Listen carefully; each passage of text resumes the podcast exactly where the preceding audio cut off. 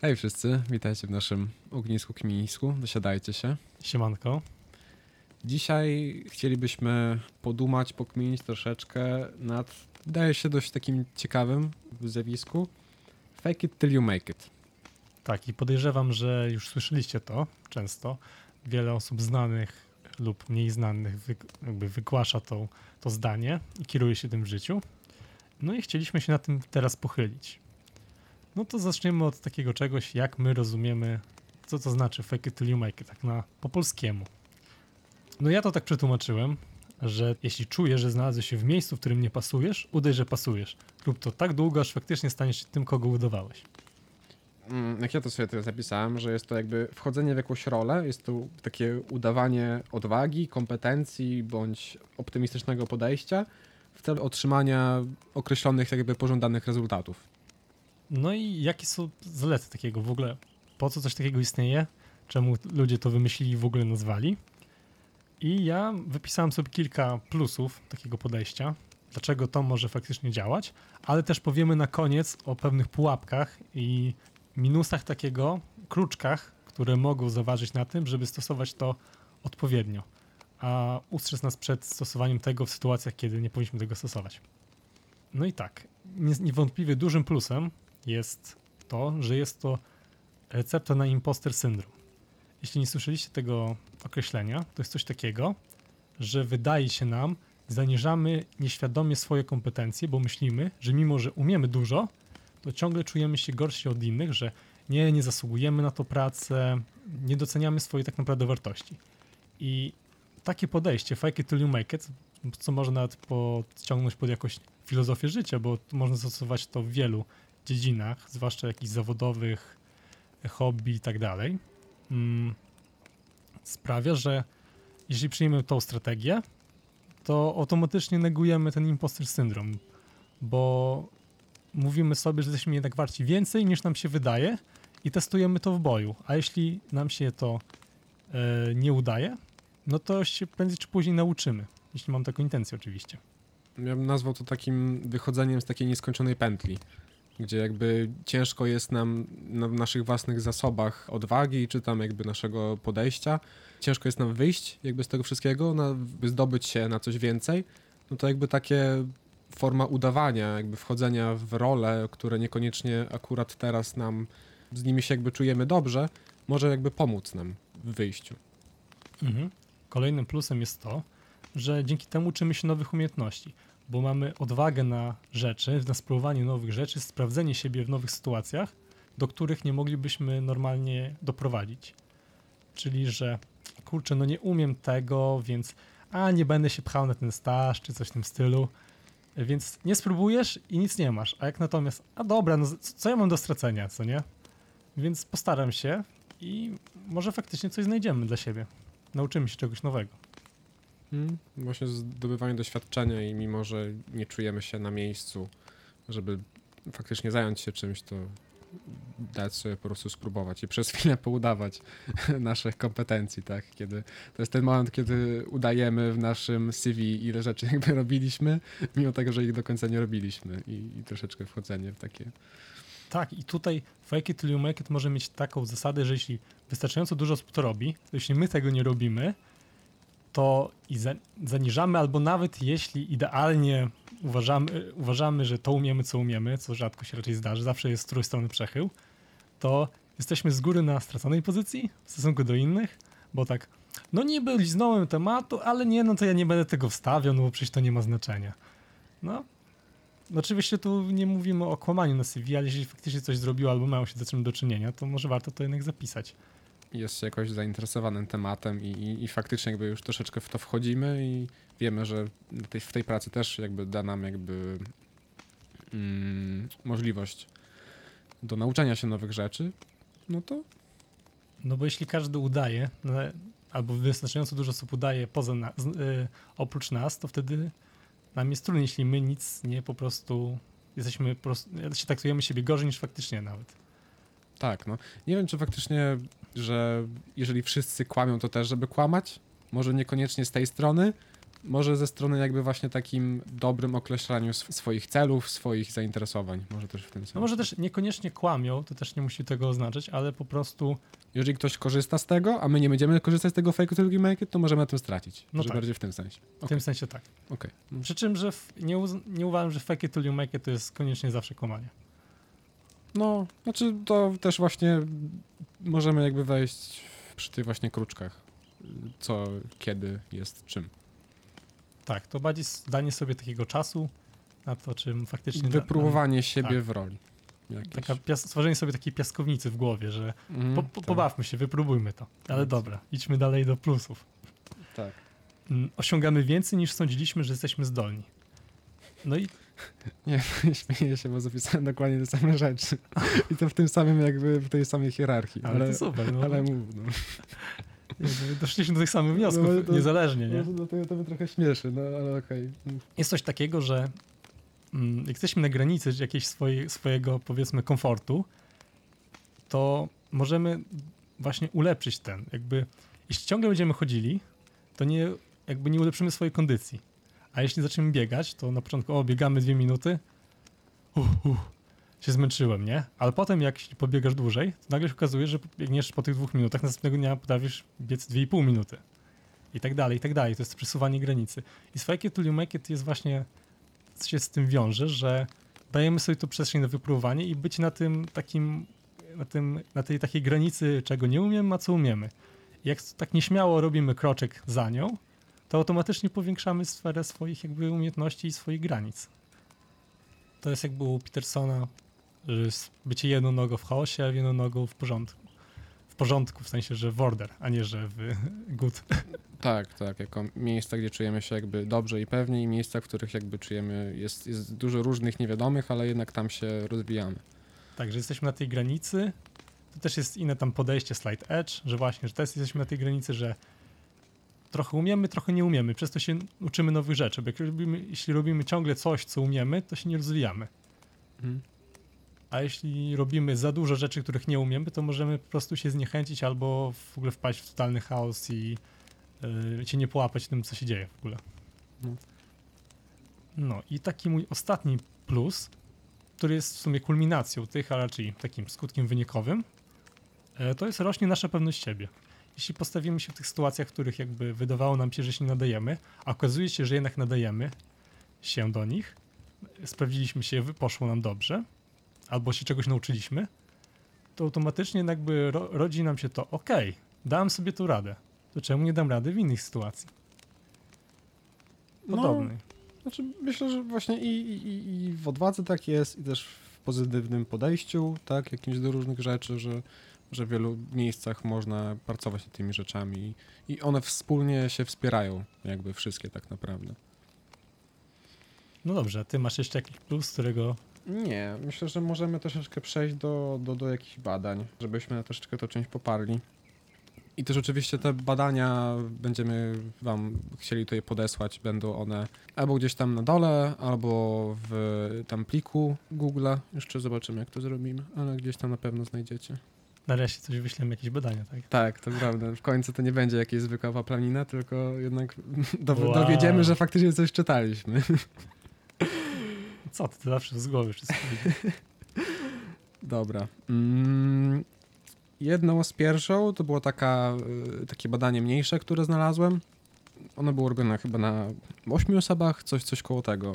Nie jakoś tam super dużych, ale bardziej to jakby co, co mogło pokazać, na tym chciałem się skupić. Zaproszono osoby do pokoju i poproszono, żeby przez dwie minuty jedni stali w pozycjach tak zwanych zwycięstwa, tak, takich luźnych, takich y, pewnych, wyluzowanych i innych poprosili o mm, przybranie poz takich bardzo takich skulonych, taki, no, takiego przegranego, przegraną jednostkę. I po tym okresie, tych dwóch minut, spytali się ogólnie, jak się czują, czy czują się bardziej pewnie, mniej pewnie, jak jakby są ich odczucia, a potem ich zaprosili na grę hazardową. I przy ludziach, którzy przybierali te pozy bardziej odważne, te zwycięskie, wychodziło 86% osób jakby chciało wziąć udział w tej grze, a osoby, które właśnie nie przybrały jej, to było jakieś 60, więc to była jakaś w miarę, w miarę duża zmiana między jedną a drugą grupą. I że to pokazuje, mimo że to była krótka chwila, tak, to jak oddziałuje na pewność siebie i chęć przyjęcia ryzyka. I to było 8 osób wszystkich, czy 8 osób Wiesz co, właśnie nie, tam chyba trochę było więcej, bo wiem, że tam te procenty jeszcze te jakoś procenty mi się wychodziły. nie zgodziły tak, tak, tak, no, też ułamkiem. tego. No, ale tam było chyba więcej. Ogólnie te badanie było takie, one sam w sobie nie dawało za dużo, ono jest takie badanie w swoim własnym badaniu, więc aż tak bym się na nim opierał, ale z jednej strony jakby pokazuje, w jaki sposób takie badania mogą wyglądać. I jeszcze jedną rzecz, którą robili, to było mm, przyjęcie konkretnej pozy przy rozmowach o pracę. I ludzie, którzy przyjmowali tą odważną, tą wyluzowaną pozę, była większa szansa, że były, byli brani przez do tej pracy, niż ci, którzy jakby nie brali tej pozy. Że to też wpływa na to, jak inni ludzie nas odbierają. Czyli, że od, odbierają nas lepiej. No tak, że odważnych, bardziej kompetentnych, tak właśnie o tym, co Tak, wcześniej jeśli- mówiliśmy. Rozmowie o pracę wyglądasz na pewnego siebie, to faktycznie może za tym jakaś pewność siebie stoi, bo wiesz, masz umiejętności, nie? No dokładnie, Jakby że to, może być jedno za drugie czymś. pociąga. No. No dokładnie, dokładnie. No, więc takie, takie, takie jedno mniejsze, które myślę, że można poczytać tam parę ciekawych rzeczy. Jest. Drugim badaniem z uśmiechem, to jest to, na które ja trafiłem, jest badanie ołówkowe Fritza Straka i to jest dosyć stare badanie z 1988 roku i polegało na tym, że ludziom z ołówkiem, e, tym, którym jakby jeden ołówek blokował możliwość uśmiechu, a drugim wymuszał możliwość uśmiechu. To on był tak ułożony w ustach i po prostu osoby, które tam czytały te komiksy, e, sprawiało to, że śmieją, osoba, której jest wymuszony uśmiech, takie były wnioski, od razu lepiej sama z siebie się czuje.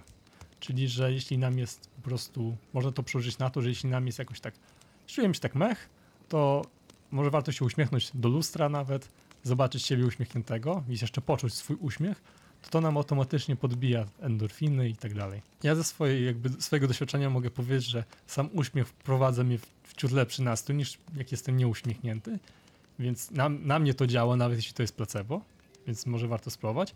A samo też zauważyłem, że czasami jak robiłem zły grymas na twarzy takiego gniewu, to również od razu sprawiało, że czułem się bardziej zburzony. Więc faktycznie może imersja nie tylko w stosunku do uśmiechu ma wpływ na to, jak się zachowujemy. Jeśli będziemy udawać groźnych, troszeczkę sami się groźni stajemy. I to jest też takie, to też się wiąże z tym fake it till you make it. Udajesz uśmiech i robisz się szczęśliwszy. Udajesz złość i robisz się faktycznie na moment bardziej zły. A propos tych postaw, to również co mi przywodzi na myśl, to jest e, Homary u Jordana Petersona. Cały jego wywód z jednej, z jednej chyba z pierwszych dwóch zasad, to była pierwsza lub druga zasada. Druga zasada. Ta z książki 12 życiowych zasad, Antidotum na chaos. Tak się nazywa książka Petersona. Jest tam chyba jedną z tych najbardziej znanych jego. Duży bestseller. Tak. I o czym mówiła? Ogólnie mówi o tym, że to w jaki sposób jakby hierarchia między jakby osobnikami homarów, jak bardzo mimo tego, że jakby ma tam 500 milionów lat, że ma bardzo wiele wspólnych cech z naszą, jakby między ludźmi. Że ten mechanizm, ten taki prosty mechanizm w tych prostych organizmach, jakaś jego wersja jest gdzieś głęboko w nas. Też jakby to ma jakiś tam, to jest nasz jakby kod, kod źródłowy naszego systemu. pod naszą taką świadomością bardzo głęboko istnieje taki kalkulator, który wlicza, na którym szczebelku jesteśmy w hierarchii i ja- jak się czujemy i w jaki sposób jakby oddziałujemy. I każda, czy to zwycięstwo, czy przegrana, wpływa w jakiś sposób, jak, jakie chemiczne oddziaływania w naszym mózgu się tworzą i wpływa to na to, jak będziemy się zachowywać w przyszłych takich tak zwanych pojedynkach, tak? Czy jesteśmy bardziej skłonni szybciej się poddać, czy faktycznie jakby będziemy walczyć no powiedzmy do jakiegoś tam końca, tak, że jesteśmy bardziej pewni, że wygramy. I ogólnie co jeszcze do tego chciałem powiedzieć, to że w trakcie, kiedy jesteśmy takimi przegranymi i powiedzmy, że mm, jest sytuacja, w której byliśmy we wcześniejszym środowisku, powiedzmy gnębieni, albo po prostu gorzej nas traktowano, no i wtedy zachowujemy się po prostu jak osoba, która była gnębiona, tak? Osoba, która jest tam, ma niższą poczucie wartości, jest mniej odważna. I co jest ciekawe, kiedy zmienia środowisko, w którym już ją nie gnębi, nikt ją tam nie zna, tak naprawdę nie powinna mieć podstaw, żeby czuć się zagrożoną, to jednak to się nie zmienia. Jakby to jest w niej nadal zakodowane i ona nadal będzie się czuła jako osoba, która jest mniej warta.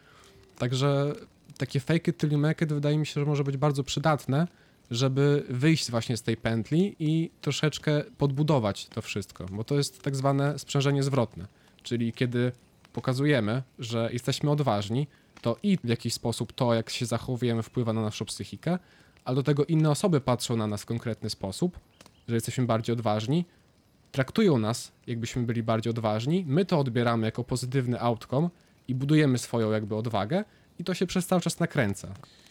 Jeszcze o jednym badaniu, tak bardzo krótko chciałem powiedzieć. Jeżeli ktoś będzie chciał się troszeczkę o tym dowiedzieć więcej, to, to, to, to zapraszam. W uczelni, na jakichś studiach, mm, tam amerykańskich, to jest grupa 23 dorosłych kobiet z biedniejszych sfer.